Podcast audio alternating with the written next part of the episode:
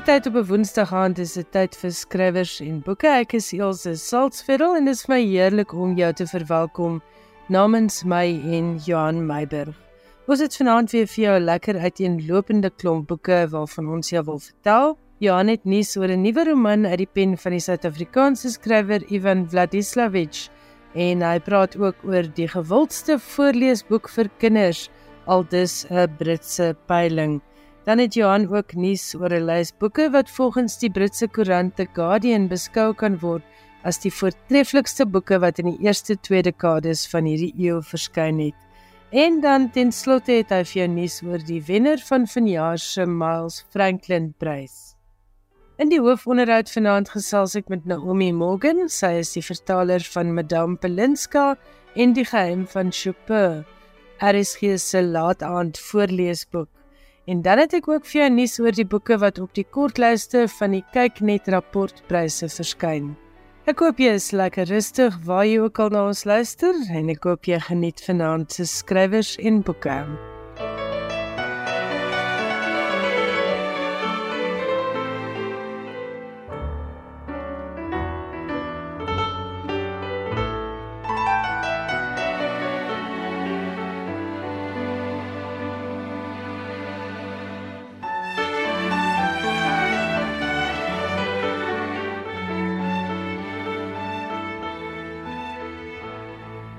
Weg met Johan Meiberg en hy het vir ons nuus oor 'n nuwe roman uit die pen van Ivan Vladislavich, bekroonde skrywer hier van Johannesburg. Van die Suid-Afrikaanse skrywer Ivan Vladislavich verskyn daar binnekort by Pan Macmillan 'n nuwe roman, The Near North. Volgens die uitgewer gaan die boek oor 'n skrywer in Johannesburg tydens verskillende vlakke van inperking. In vorige skryfwerk dit sluit boeke in soos The Restless Supermarket van 2001, The Exploded View van 2004, Portrait with Keys 2006 en The Distance van 2019. Het Vladislavich homself bewys as 'n meester wanneer dit kom by die kuns van literêre wandeling. Die skrywer in die jongste roman durf die strate van Johannesburg te voet aan en loop hom in die proses vas in 'n hele spulletjie stadsboeke. Vladislavich het in 1993 gedebuteer met die novelle The Folly en was by verskeie geleenthede op die lang en kortlys vir plaaslike en buitelandse letterkundepryse. In 2015 is die gesogte Wyndham Campbell Prys aan hom toegekend. The Near North van Ivan Vladislavich verskyn in Maart volgende jaar. Intussen het Pan Macmillan ook aangekondig dat die uitgewer in April volgende jaar Peter Godwin se jongste memoir Exit Wounds gaan uitgee. Godwin se eerste memoir oor sy grootwordjare in die destydse Suid-Rodesië het in 1997 verskyn. Mukiwa, a white boy in Africa. Die boek is dieselfde jaar met die Orwell Prys bekroon. In 2006 het When a Crocodile Eats the Sun verskyn meer van 'n familiememoir ook geplaas in Zimbabwe. Jy luister na skrywers en boeke, jou belangrikste bron oor Afrikaanse boeke. Gaan na die Luxemburg tuine toe, maak sirkels op die water. Dit sal jou van resonansie leer. Bestudeer die gelyk, egalige, stil oppervlak. Gooi dan 'n vlokkie daarop en kyk hoe die water vertroebel. Bestudeer die impak en die gevolge daarvan, hoe lank dit die sirkels neem om te vorm, uit te kring en te verdwyn. Moet niks afdwing nie, neem net waar. Volgende Saterdag sal jy dit vir jou baslyn gebruik om dit te laat uitswel en wegsterf of om die melodie noot vir noot op 'n golf van bowetone te laat drup. Jy moet leer om vloeibaar te word. Vloeibaar. Sê dit gefrons. Vloeibaar. Ja, ek dink dit is die regte woord. Vloeibaar. Laat die golf oor jou spoel. Neem neem besit van die ruimte tussen die klanke sonder om dit te beset. Gee jouself oor aan enige gebeurlikheid. Wees ontvanklik vloeibaar. Is my Frans vir jou te moeilik om te verstaan? Het die deur met 'n ontevrede gebaar toegedruk.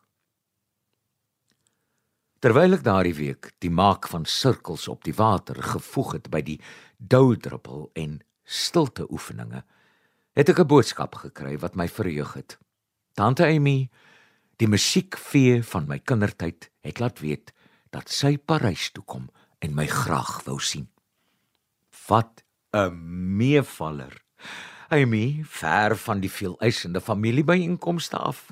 Amy, sonder die ou suurpruim tantes met hulle snorbaarde. Amy, verlos van die kinders wat altyd op 'n simpel speletjie aandring. Amy, ver van al die gevyf en slegte spysvertering af. Amy, net vir my. Ek was mal oor hierdie besondere vrou. Sy's nooit getroud nie. Was nie in 'n verhouding nie en het nie kinders gehad nie.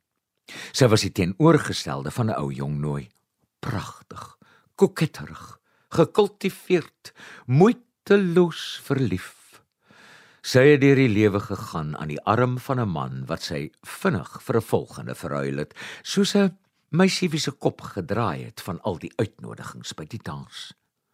Sy het altyd alleen na ons familieetes toe gekom, iets wat my ouma waardeer het voordat sy almal daaraan herinner het dat geen mens meer mansname kon onthou as die op die katolieke kalender nie. Hierdie selfde ouma wat groot vriendinne met Amy gedurende hulle tienerjare was, het nie 'n kans laat verbygaan om haar die Lewiete voor te lees nie. Wanneer sy positief teenoor Amy gevoel het, het sy haar die malkoppie gedoop. Anders was sy die loskop dolla. Sy was so jaloers op haar dat wanneer sy my en Amy sien gesels het, sy in 'n luide stem sou sê: "Moet net nie jou lewensverhaal vertel nie, Amy Beaufort. Jy is nie 'n rolmodel vir die jeug nie." Amy het egter nooit enige intieme besonderhede met my gedeel nie. Ons het oor 'n duisend verskillende onderwerpe gepraat.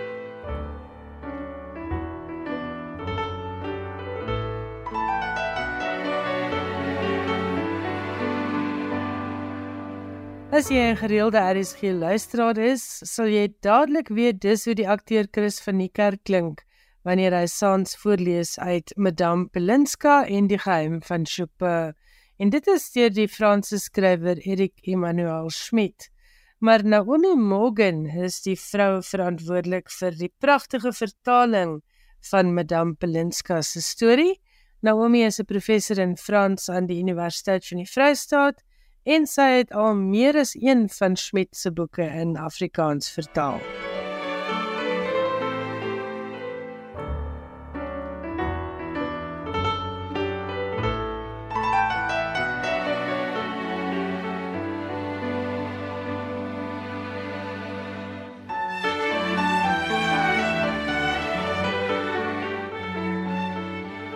Naomi, goeienaand en baie welkom by RSG. Baie dankie Ilse. Ons praat vanaand 'n bietjie oor jou vertaling van Madame Pelinska en die geheim van Chopin en dit word tans voorgeles hier op RSG. Maar ek wil eers weet wie is Naomi Morgan? Vertel vir ons 'n bietjie van jouself en ook hoe het jy betrokke geraak by Frans? Naomi Morgan is 'n baie loyale boerling van die Vrystaat en van Bloemfontein.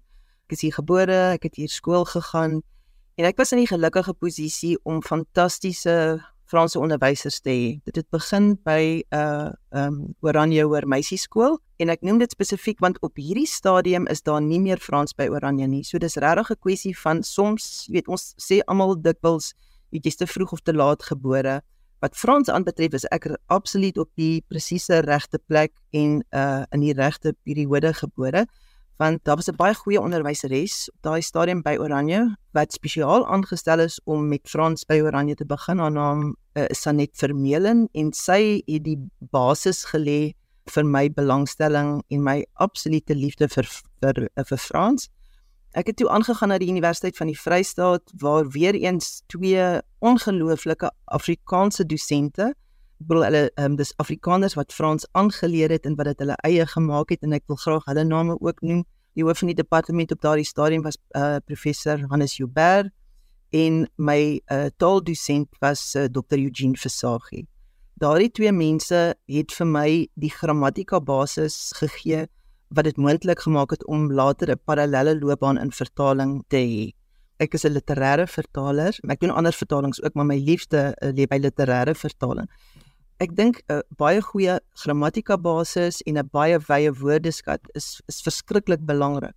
Dis waarmee jy begin. Daarna uh, kom 'n liefde vir letterkunde en 'n aanvoeling vir styl, vir frasering want daardie ander gelukkige ding uh, in my lewe was dat my ma was 'n musiekonderwyseres en ons het in ons huis byvoorbeeld ons het baie uh, Chopin gehoor en Liszt want my ma het altyd gespeel veral in die aand en ek het nooit so daaroor gedink nie maar dit dit voel nou vir my dat die musikale blootstelling het gehelp om my te vorm nie net as iemand wat vreeslik lief is vir letterkunde nie maar ook as 'n literêre vertaler want vir my is letterkunde is dis 'n komposisie die manier waarop 'n skrywer woorde pak in 'n sin, is 'n frasering. So wat jy moet doen wanneer jy dit vertaal van een taal na 'n ander taal is om te probeer om die melodie te hoor en daai melodie te transponeer na 'n ander taal, na 'n ander kultuur toe. Ek wou jou jous nog gevra het oor hierdie ritme van vertaling, maar ons gaan net nou 'n bietjie meer in diepte oor vertaling self gesels.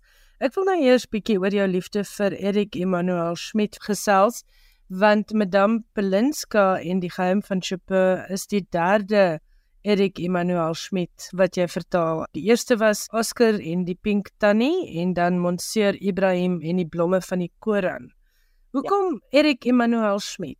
In my lewe is die keuse van my vertalings dikwels lukraak en ek hou eintlik so daarvan. Wat Oscar betref, as ek uh, ook 'n bietjie van 'n wye draai kan maak, Ek was in lewend besig met navorsing uh, en 'n baie goeie vriendin van my, Liefde Wagter, 'n Vlaamse dosent by die Katolieke Universiteit Leuven het vir my vertel van 'n baie uh, hartseer geval haar niggetjie, dit was baie jonk, net 5 jaar oud, wat dieselfde siekte gehad het as as Oscar. En dit het vir my gevoel die enigste manier wat ek dit kan verwerk, die hartseer ding van 'n baie jonk kind wat ongelukkig nie gaan oorleef nie is om dit was toe Oscar in die Pink Uh, 'n boek wat ek gelees het uh, omdat ek as dosent weet jy kyk na wat is die boeke wat goed doen wat is die boeke wat voorgeskryf word ook in Suid-Afrika. Baie ander boeke van Erik Emanuel Schmidt word voorgeskryf um, vir Franse leerders in Suid-Afrika. So hy's 'n baie bekende naam veral in die Franse wêreld. So ek het die boek toe ook al gelees. En toe voel dit vir my dit sal terapeuties wees vir my, maar miskien ook terapeuties vir die ouers van sulke kinders want die interessante ding wat ek het wil sê is dat Oscar en die Pink Tannie is beskikbaar in Belgiese en Nederlandse hospitale in die onkologie afdelings van kinderhospitale. Ek het ook daarvan gehou ek het gehou van die feit dat dit is letterkunde maar in diens ook van iets werklik. Dis nie net 'n verhaal nie. Dit is 'n storie wat nuttig sou kon wees vir ouers en vir die kinders ook. En ek dink want ek luister dikwels na jou program en ek dink almal van ons wat wat lief is vir letterkunde, uh, word gekonfronteer met die vrees van 'n toekoms waarin mense nie meer gaan lees nie of wat hulle sal hulle sal liewer 'n reeks kyk op televisie, jy weet, dis dit is vir hulle meer interessant. En so een van die dinge wat ek toe gedink het toe ek begin het om Edik Immanuel Schmidt te vertaal, is dat sonder om moralisties te wees, skryf hy baie hoopvolle boeke. En ek het toe gedink wel, miskien sal dit iets wees om mense weer terug te trek na die letterkunde toe. Ek is nie ek is hoegenaamd nie teen uh boeke wat hopeloos eindig nie, maar ek, ek bedoel as 'n literêre vertaler is jy eintlik die skrywer se advokaat. En dit was die geval toe ek ook in die Pink Tannie voorgestel het aan uitgewers in Suid-Afrika, het hulle nog nie van hom gehoor nie. So uh jy moet dan die beste voorbeeld van wat daardie skrywer verteenwoordig moet jy kies. Hulle sê wel kom ons probeer hierdie vertaling want uh vertalings na Afrikaans doen nie so goed nie. Dit is nooit regtig topverkopers nie. So uh dit help nie uh en ek ek sê dit nou met met groot omsigtigheid. Dit help nie om te begin met met baie moeilike werke of werke wat mense eintlik meer ontstel as enigiets anders nie. Weet ons bly in 'n moeilike land. Ek bedoel dit regtig nie paternalisties nie, hoor. Ek bedoel ek is 'n ek is 'n letterkunde dosent. Ek lees vreeslike goed elke dag. Ja. Nee, maar ek verstaan wat jy bedoel. Ons het bietjie hoop en afleiding en ontspanning nodig en vermaak.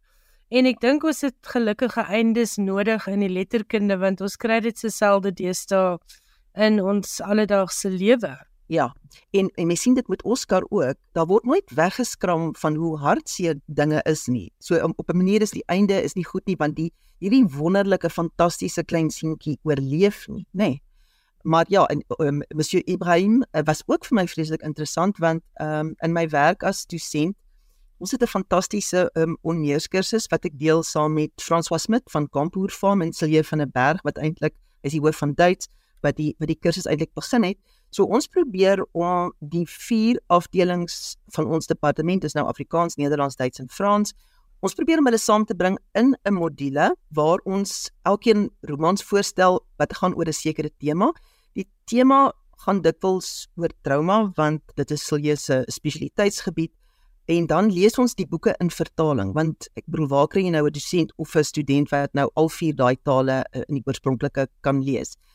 Ons is al klaar besig op universiteitsvlak met moeilike tekste, maar ek het net gedink miskien net om my vakgebied Frans bekend te stel en miskien um, geliefd te maak onder die Afrikaanssprekende uh, publiek, moet ek begin met iemand soos Erik Emmanuel Schmidt wat dikwels ook oor moeilike goed skryf soos byvoorbeeld ek wil net vir jou een voorbeeld noem uit uh, Monsieur Ibrahim in die blomme van die Koran wat eintlik gaan oor die Holocaust en dit gaan oor die feit dat uh Momo, die hoofkarakter, die seentjie.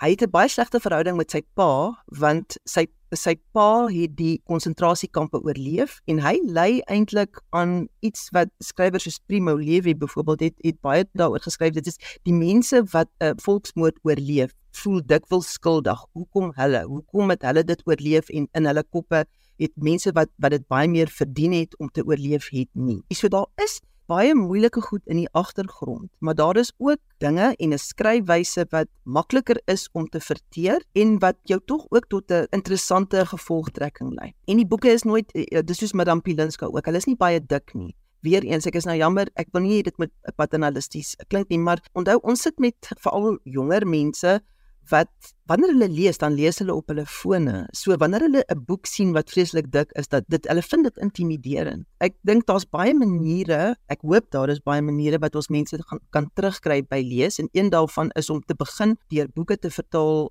wat verteerbaar is in lengte. Jy is heeltemal reg en ek dink daar's genoeg navorsing en ons het al baie op RSG daaroor gepraat ook dat mense se aandagspan is baie korter juis weens digitale media en sosiale media wat 'n groot rol speel. As jy pas ingeskakel het, ek gesels met Naomi Morgan en sy is die vertaler van Madame Belinska en die geheim van Chopin en dit is 'n boek wat tans hier op RSG voorgeles word. Kan ons 'n bietjie hieroor praat want dit klink vir my so half na Schmidt se biografie op 'n manier.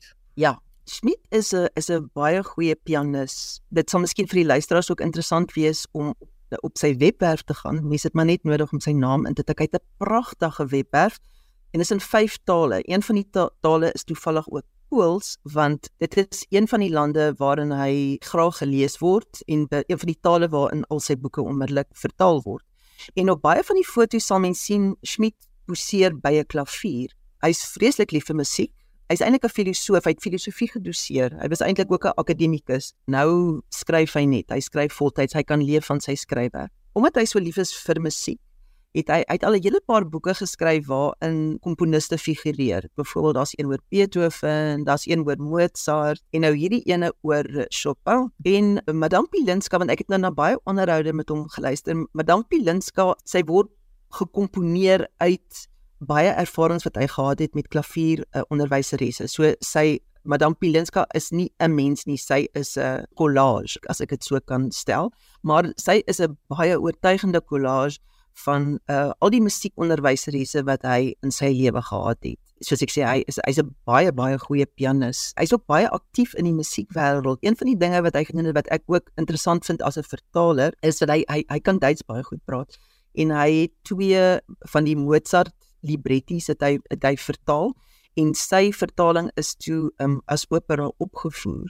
Maar jou vraag was uh, kan 'n mens dit amper as 'n soort autobiografie beskou? Mens kan absoluut behalwe dat Madame Pilinska per se nie bestaan nie. Mens sou graag wou hê sy moet bestaan. Ek vind haar fantasties. Een van die temas in die boek is ook reïnkarnasie. As ek nou 'n wens kon uitspreek sou dit wees om te reïnkarneer as Madame Pilinska.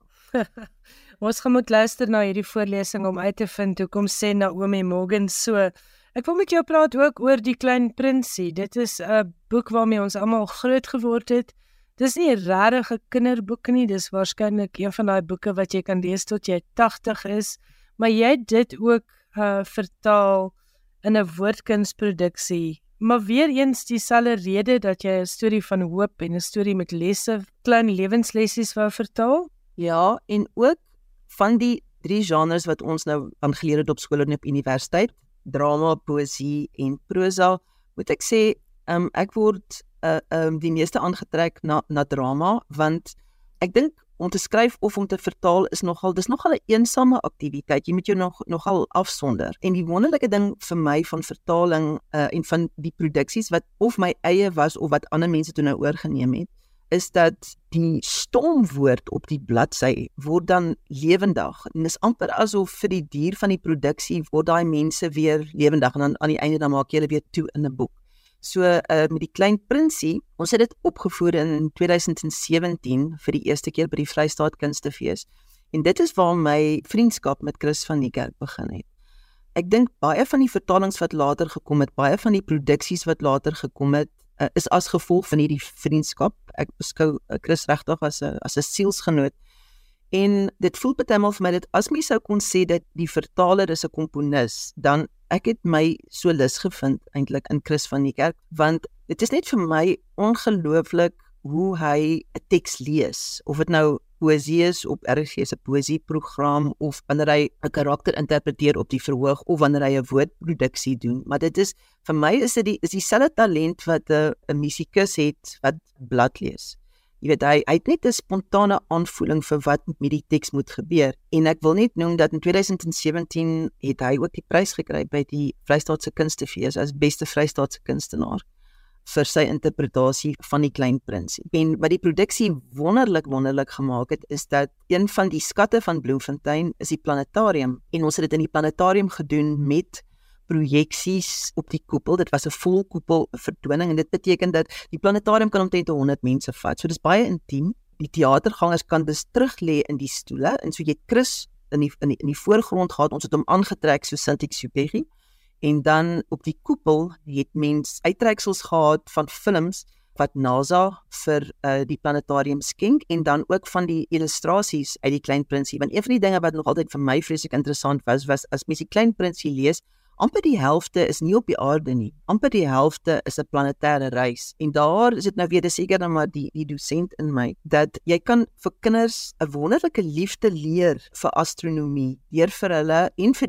wat soos jy gesê dis nie net dis nie 'n boek vir kinders nie. Weer eens het jy aan die einde van die boek uh jy weet uh, mens weet nie regtig wat met die klein prinsie gebeur nie. Nee, jy mens hoop maar hy hy gaan terug na sy na sy planeet toe, maar miskien is dit 'n soort eufemistiese einde maar dat jy in elk geval net onder die indruk kan kom van die heelal van die planetêre stelsel. En daar weer ek weet dit is vir my eintlik soos 'n goue draad wat deur my lewe loop het ek vir Leon Snyman ontmoet. Hy werk by die Odeon skool vir musiek. Hy's ook 'n komponis maar hy werk ook vir die planetarium en hy het my gehelp om wel hy het eintlik alles gedoen. Ek het maar net gesê wat ek gedoen wil hê met die projeksies, met die uittreksels sodat mense eintlik teruggevoer kon geword het na 1943 wanneer dit vir die eerste keer gepubliseer is. En dit is om die waarheid te sê, die klein prinsie is 80 jaar oud en ons ons hoop eintlik om dit om dit weer te kan doen. Uh maar dit werk eintlik net in 'n planetarium, want dit is eintlik 'n planetêre reis.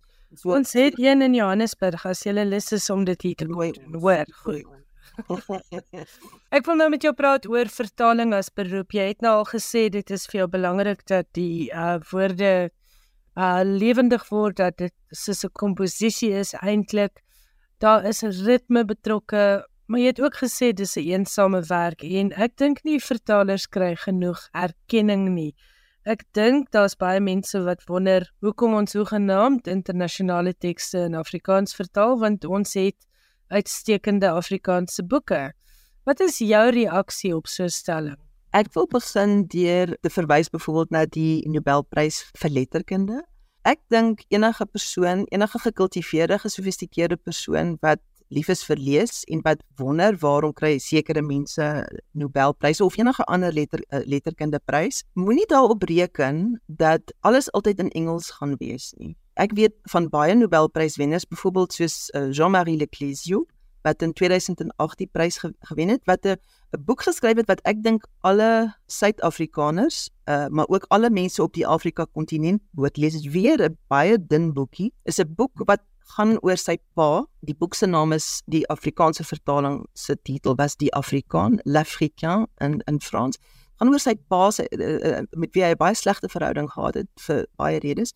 Sy pa was 'n uh, baie goeie dokter, een van die sogenaamde dokters sonder grense met Sans Frontières. En ek is trots om te sê dat die Afrikaanse vertaling van die boek het 'n hele paar jaar voor die Engelse vertaling uitgekom. So 'n uh, vertaling, uh, dit gee jou toegang want soms dit help nie om altyd te sit en wag vir die Engelse vertaling nie. Soms kom hy nie of hy kom baie laat of die Engelse vertaling is miskien nie goed nie. En kom ons praat 'n bietjie oor ChatGPT. Daar's baie mense nou wat dink ag wel jy gaan maar sommer net die teks gou-gou deur 'n um, outomatiese vertaalplatform druk en so voort. Dit jy kan dit heeltemal doen met ek weet nie 'n handleiding vir jou nuwe motor, maar die ding met letterkunde is dat dit is ongelooflik genuanceerd en elke term is regtig met die hand gekies deur die oorspronklike skrywer in 'n sekere register ensovoorts. So wil jy nie graag hê dat iemand wat letterkunde ken, iemand wat jare lank in 'n taal gestudeer het dat dit daardie persoon 'n teks wat miskien uh, baie vir jou gaan beteken om watter rede ook al dat so 'n persoon die teks vir jou moet ontsluit nie. En, en die ander ding wat my bekommer is dat as mense nie vertalers wel eer nie of hulle net gewoon betaal nie want almal moet oorlewe. Moet ek studente oplei wanneer hulle nie eendag gewerk gaan hê nie? So ons moet oppas om al die kraantjies, want dit is 'n dis 'n vakmanskap, nê, om daai kraantjies uh toe te draai en dan eendag wanneer jy iemand nodig het, iemand wat jy kan vertrou, want dis die ding met vertalers. Ek vertalers, dis hoe ek myself ook sien jy jy loop in die voetspore van 'n skrywer. Jy's eintlik 'n skadu figuur. Jy's nie daar om te oorskadu nie. Jy's altyd agter hom. Dis is 'n spesiale soort mens. Is iemand wat jy jy stel nie regtig belang in in publisiteit en sulke tipe goed nie, maar jy's ook baie bewus daarvan dat in baie opsigte is jy jy is die eerste persoon wat 'n skrywer voorstel aan 'n leserspubliek. Jy is daai persoon se advokaat. So ek sou graag wou hê mense moet net oor die algemeen meer respek hê vir vertalers want in die meeste gevalle is baie van die vertalers is akademici maar nie net nie. En dit is dit is regtig mense wat net 'n groot liefde het vir vir letterkunde en wat wat probeer om vir jou die beste moontlike en mees presiese die mees genuanceerde weergawe in die teikenteks te gee uh, van wat jy self in die bronteks ontdek het 'n uh, goeie vertaler is regtig iemand wat jy kan vertrou want daai persoon en veral wanneer mense na Afrikaans toe vertaal wat in Afrikaans is dit dikwels die Afrikaanse vertalers wat self kies wat ons wil doen want ons stelsel is heeltemal anders. Ons sit met Afrikaanse lesers wat dikwels sê maar het hulle kan dit in Engels ook lees. So hulle het nie regtig die Afrikaans nodig nie. En ek wil terugkom na die die vergelyking wat ek vroeër getref het met musiek ek het dit al gesien byvoorbeeld wanneer ons doen ook onder ondertiteling van films um in Afrika. Ja, daai pragtige film Amour het een van my onneers uh, studente Marliesel Howard het dit ondertitel en daar's nou weer 'n student wat besig is met um uh, Polanski se groot film oor Dreyfus, Calista Lambreg wat besig is om dit te, uh, sy doen dit nou wel in Engels, maar as ek nou net kan teruggaan tot die Afrikaanse ondertiteling dit is ongelooflik wat 'n verskil dit maak in die gehoor. Ons het 'n Franse filmklub wat eenmal per maand uh dit is oop vir almal en daar's altyd onderskrifte. Dit is ongelooflik die verskil wat dit maak wanneer jy uh, soos 'n kunsfliek, iets soos Amour, as jy dit wys met Afrikaanse onderskrifte want daai woord van moedertaal of hartstaal wat dit beteken is dat dit gaan onmiddellik, maar dit gaan in jou senuweestelsel toe. Dit gaan in jou kop. Dis mooi gestel, ja. Ek dink Nelson Mandela het ook so 'n uh, aanhaling iewers van as jy met iemand praat dan gaan dan verstaan sy kop as jy met hom in sy eie taal praat dan verstaan sy hart. Ja. Daar was 'n weer op RSG ehm um, en ek is stres ek is vreeslik bly ek het dit gehoor want dis iets wat ek nie geken het. Daar was 'n kort verhaal van Karl Skooman tydens niks so goed ehm um, voorgeles nou so 'n week of twee gelede oor 'n groepie Joodse immigrante uh wat bymekaar kom in 'n park en dan word hulle weet elke keer minder en minder totdat daar net een oorbly en iemand wat niemand oor het om mee te praat nie. En dit is wat ek eintlik voel ook oor oor vertaling uh, na Afrikaans toe. Ek vertaal en ek sal aanhou vertaal solank as wat ek kan vir daai groepie wat wil hoor in die eerste plek, wat in hulle op wil hoor hoe klink goeie Franse letterkunde in Afrikaans.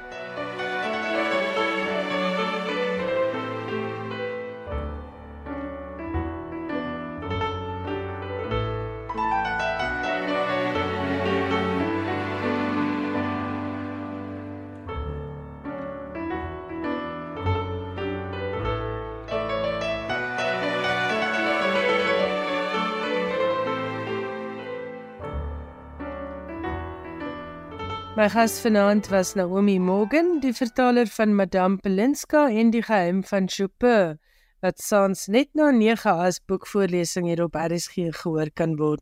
En as jy die boek wil koop, dit word uitgegee deur Naledi.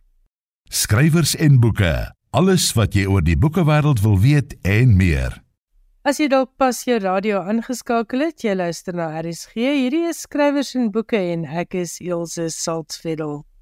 Baie mense vra my, hoe kan ek my kind liefmaak vir lees? Nou ja, kinders sê dis so eenvoudig soos om van kleins af vir jou kind stories voor te lees. En ons het ook nou al hier met mense op RSG gepraat wat gesê het jy hoef nie eers kinderstories voor te lees nie. Jy kan koerant lees, jy kan 'n tydskrif voorlees. Dit gaan oor daardie wonderlike kombinasie van 'n ouer of 'n ouer persoon, 'n belangrike persoon in 'n kind se lewe wat lees daardie vertroostende woorde en dan die kombinasie van 'n boek en papier. Nou ja, Jan Meiberg het vir ons nuus oor die boek wat in 'n onlangse peiling deur Britse ouers aangewys is as hulle groot voorlees gunsteling. En daarna vertel hy vir jou meer oor daardie lys boeke wat die Britse koerant The Guardian aangewys het as die beste 100 boeke wat sedert die jaar 2000 verskyn het.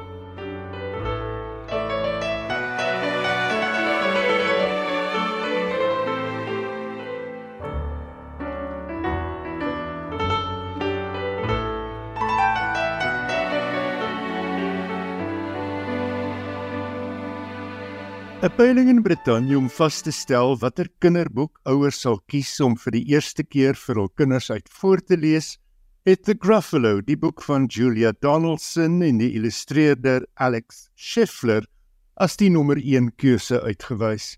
Soveel as 2000 ouers het in April aan die peiling deelgeneem.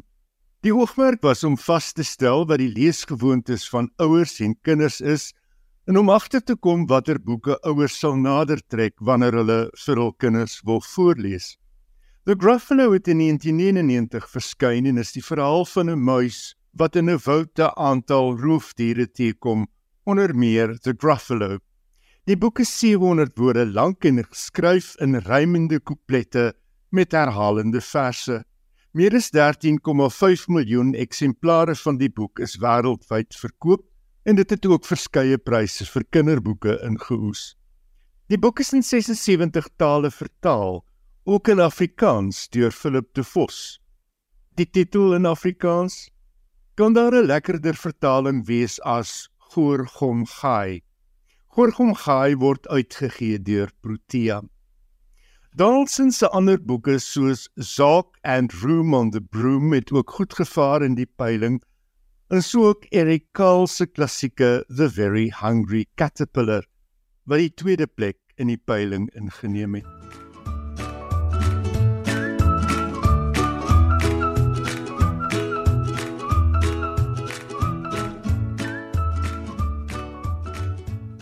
Hi, boys and girls. This is Anne Miranda. Today we're going to read the book The Gruffalo, written by Julia Donaldson and illustrated by Axel Scheffler. If you have a copy of the book, get it now and let's read together. A mouse took a stroll through the deep, dark wood. A fox saw the mouse, and the mouse looked good. Where are you going to, little brown mouse? Come and have lunch in my underground house. It's terribly kind of you, Fox, but no. I'm going to have lunch with a gruffalo. A gruffalo? What's a gruffalo?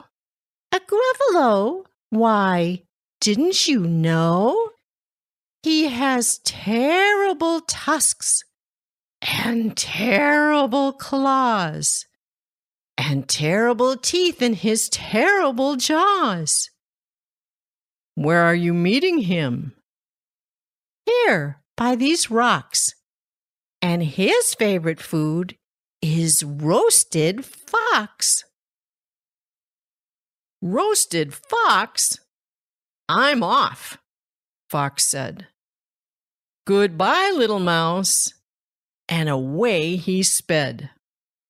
Silly old fox. Doesn't he know? There's no such thing as a gruffalo. On went the mouse through the deep, dark wood. An owl saw the mouse, and the mouse looked good. Where are you going to, little brown mouse? Come and have tea in my treetop house. It's frightfully nice of you, Owl, but no, I'm going to have tea with a gruffalo. A gruffalo? What's a gruffalo? A gruffalo? Why, didn't you know?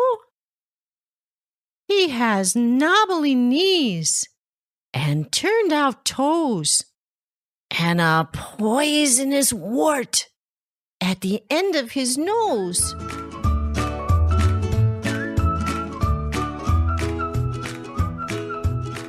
The Guardian het 'n ruk gelede 'n lys saamgestel van 100 boeke wat in die eerste 20 jaar van die 21ste eeu verskyn het en wat die dagblad meen die voortreffelikste sedert 2000 is. Dalk kan dit help om 'n leeslys saam te stel indien jy die boeke nog nie gelees het nie. Die volledige lys is beskikbaar by theguardian.com. Die top 10 lyk so: In die 10de plek Half a Yellow Sun deur Chimamanda Ngozi Adichie. Die boek het in 2006 verskyn. In die 9de plek Cloud Atlas deur David Mitchell wat in 2004 verskyn het. In die 8ste plek Autumn deur Alice Smith wat in 2016 verskyn het. In die 7de plek Between the World and Me deur Ta-Nehisi Coates in 2015 het die boek verskyn. In die 6ste plek The Amber Spyglass deur Philip Pullman wat in 2000 verskyn het. In die 5ste plek Austerlitz deur W.G. Sebald wat in 2001 verskyn het. En die boek is vertaal deur Anthea Bell. In die 4de plek Never Let Me Go deur Kazuo Ishiguro wat in 2005 verskyn het. In die 3de plek Second Hand Time deur Svetlana Alexievich vertaal deur Bela Sayevich. Die boek het oorspronklik in 2013 verskyn. In die tweede plek Gilead deur Marilyn Robinson wat in 2004 verskyn het en in die eerste plek Wolf Hall deur Hilary Mantel. Die boek het in 2009 verskyn. Baie dankie Johan Meiburg. Van boeke wat op 'n leeslysie hoort gepraat, hier is die kortlyste vir vanjaar se kyknet rapport boekpryse en hierdie kortlyste is verlede week aangekondig. Die kyknet rapportpryse wat saam 1 miljoen rand beloop, bestaan uit 4 boekpryse en 2 resensiepryse. Die 4 boekpryse is die kyknet rapportprys vir fiksie, nie fiksie en film en dan die Jan Rabie rapportprys vir debuut of tweede prosawerke. Twee skrywers bevind hulle self op meer as een van hierdie kortlyste. Die eerste een is Kirby van der Merwe. Hy is benoem vir Eugene in die kategorie vir fiksieprys as ook die Jan Rabie rapportprys. Chris Karsten se Op pad na Moormansgat is benoem in die kategorie beste fiksie as ook in die kategorie vir boeke met die meeste filmiese potensiaal. Baie geluk aan hulle twee, dit is 'n uitsonderlike prestasie om jou boek op meer as een kortlys te hê. Aan die nie-fiksiekant is daar postuum erkenning vir Dan Sley, historikus en bekroonde romansier, en hy is benoem vir sy VOC geskiedskrywing in Retoursloot. Maar kom ons kyk na die kortlyste. Dit is alfabeties volgens skrywer En die Kyknet rapportprys vir fiksie se drie benoemdes is Chris Karsten wat benoem is vir Oppad na Moormansgat, Eugene deur Kirby van der Merwe en Roman deur Cas Weppener. Op die kortlys vir nuwe fiksie is dit Wieg deur John Creer, Retourvloot deur Dan Slay en Die Kaapse Slawe 1652 tot 1838 deur Eunice Visser.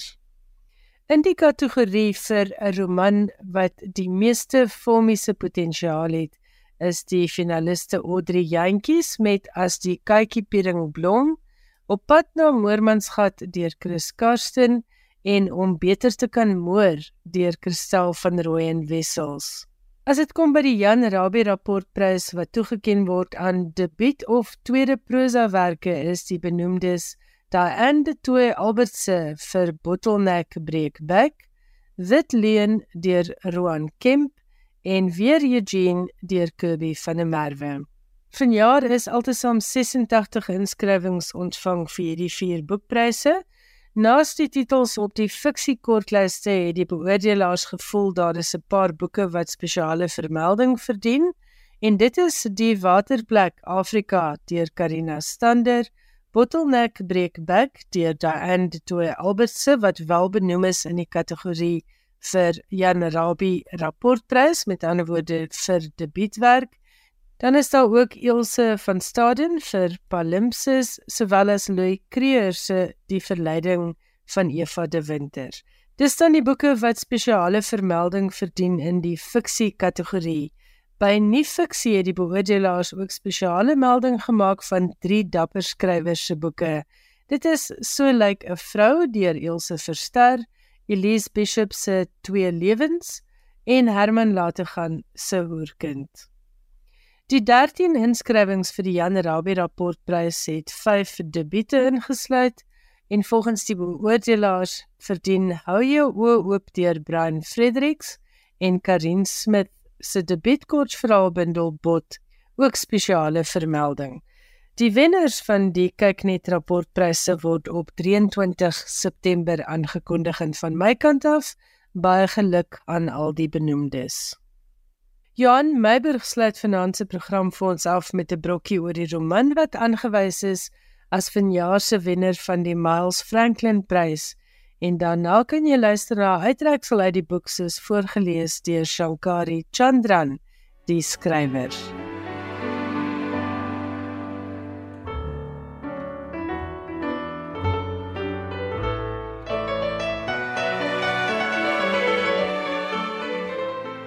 Shankari Chandran, 'n prokureur van Sydney in Australië, is onlangs aangewys as die wenner van die Miles Franklin Prys, 'n gesogte Australiese prys vir romans van voortreffelike gehalte. Die prys is genoem na Miles Franklin, onder meer skrywer van die topverkoper My Brilliant Career. Chandran se roman Chai Time at Cinnamon Gardens is 'n epiese verhaal wat oor verskeie geslagte strek en gaan oor Australië se ongemaklike verhouding met veelvuldige kulture en postkoloniale trauma. Die roman, haar derde boek, speel af in 'n versorgingseenheid vir ouer mense in die weste van Sydney, asook in Sri Lanka tydens die land se gewelddadige burgeroorlog. Chandran se ouers, albei mediese dokters, het Sri Lanka verlaat kort voor die oorlog en hulle eers in Engeland gaan vestig, waar sy gebore is, en 3 jaar later na Australië verhuis. Die 47-jarige Chandran het in Canberra groot geword. Hier lees Shankari Chandran voor uit haar roman Chai Times at Cinnamon Gardens. The Cinnamon Gardens nursing home sleeps deeply on this summer night. The heat trapped in its brick walls radiates outwards through the skin of its painted facade. It forms a gentle nimbus around the building. Arabian jasmine climbs the wooden trellises staked in the garden beds. They are bold travellers, dark vines carrying white stars up the two story walls and around the windows of the residence. The plants grow obediently in the quiet suburb of Westgrove, Sydney. but its tropical ancestors are a wilder breed, a vine that grows rampant in the villages of Sri Lanka, a home more familiar to many of the residents. They remember this fragrance from their childhood, and it creeps into their sleep, turning nightmares of war into dreams of their parents, long gone but still loved. To the passerby, the grand old Federation building has been restored to its colonial corpus. It looms over a circular driveway, wide enough for ambulances to speed in and for hearses to crawl out. The driveway curls around a small garden of giant agavs. In the moonlight, the succulents look like granite statues, spiky, oversized sentinels that hide a sandstone plinth in the center. The plinth is empty, no statue sits astride it. Without a purpose, it has been forgotten by almost everyone. The southerly swells around the nursing home. The residents are used to a more feverish summer that rots the wooden bones and crumbles the clay muscle of their homes. But they welcome the southerly and breathe more easily when it slips through the mortar of cinnamon gardens and lifts the blanket of heat from their aging bodies. The wind, now reduced to a breeze, explores the nursing home as it has many nights before. While the outside of the building has been restored, the inside has been completely transformed. A few vestiges of its history remain high ceilings with ornate bas relief carvings here and elegant architraves there. But the inside of the building is functional, repurposed to hold and house a community of elderly men and women. The southerly passes the office and the industrial kitchen on the ground floor of the old building. In a few hours, the cooks will begin frying onions, curry leaves, and green chilies for the breakfast omelette, served with idiyappam sodhi and sambal. Omelette on a bed of steamed rice noodles, topped with milk gravy and a side of freshly grated coconut, to- tossed in chopped chili. It's something to wake up for. According to the wooden staircase on the second floor, or to the second floor, eight residents, the longest serving, sleep and dream of the books they want to write, the battles they haven't finished, the lovers they didn't marry, and the children they couldn't protect. Each resident has their own room along a corridor that leads to a, sh- a large shrine room. Its altar is, is heavy with the gods of the Hindu pantheon, the main faith of the nursing home. But there are other statues too, representing both the Hindus' hedging of divine bets and the religions of the rest of the community. The nursing home's previous owners built a shiny red brick monolith behind the old Federation one. Its four floors and ample girth cast a shadow across the elegant grounds. This wing is home to another 50 residents of Cinnamon Gardens. The two buildings are connected by a covered ramp on the ground floor, a tunnel with a gentle gradient for the wheelchairs and trolley beds. Maya, the nursing home's current owner and the resident of room one in the old building, renamed this new wing Sivam in honor of the god of destruction. Shanti, Shanti Segram in room six asked Maya if she thought she was being funny. A wide garden stretches around these buildings. Over the four decades that Maya has run the nursing home, it has been terraformed from a neglected wilderness to orchards and large beds of, of vegetables that feed the residents. The crops are more comfortable in the red, hard earth of Jaffna in northern Sri Lanka and the verdant flatlands of the Vanni jungle to its south. But Maya and her family have ploughed and tilled and nurtured. They have coaxed and cajoled the earth of West Grove to yield manioc, ballara, murungakai, and karavapillai. At the very bottom of the garden, beyond the vegetables and Ayurvedic herbs, and almost hidden by a, a row of black jamun trees, stands a house with only two bedrooms, a generous bookshelf, and a kitchen that's more of a kitchenette. The house is small in stature, but the memories it holds are immense. It is rightly called the caretaker's cottage. The different people who have lived there over the last four decades have accepted that responsibility and burden with courage.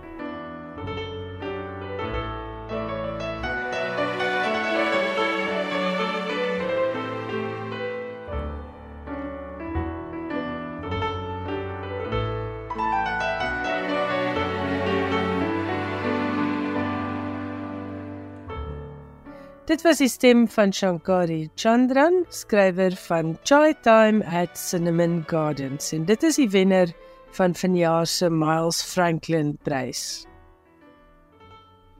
Dit bring ons dan aan die einde van Finansie Skrywers en Boeke. Baie dankie dat jy saam geluister het. En ek en Johan Meiberg sien daarna uit volgende Woensdag aand om 8uur weer vir jou nuus uit die plaaslike en internasionale boekewêreld te bring. Tot dan, mooi loop, lekker lees. Ek hoop jy het 'n wonderlike stapel leesgoed en pas jouself en jou mense mooi op. Totsiens.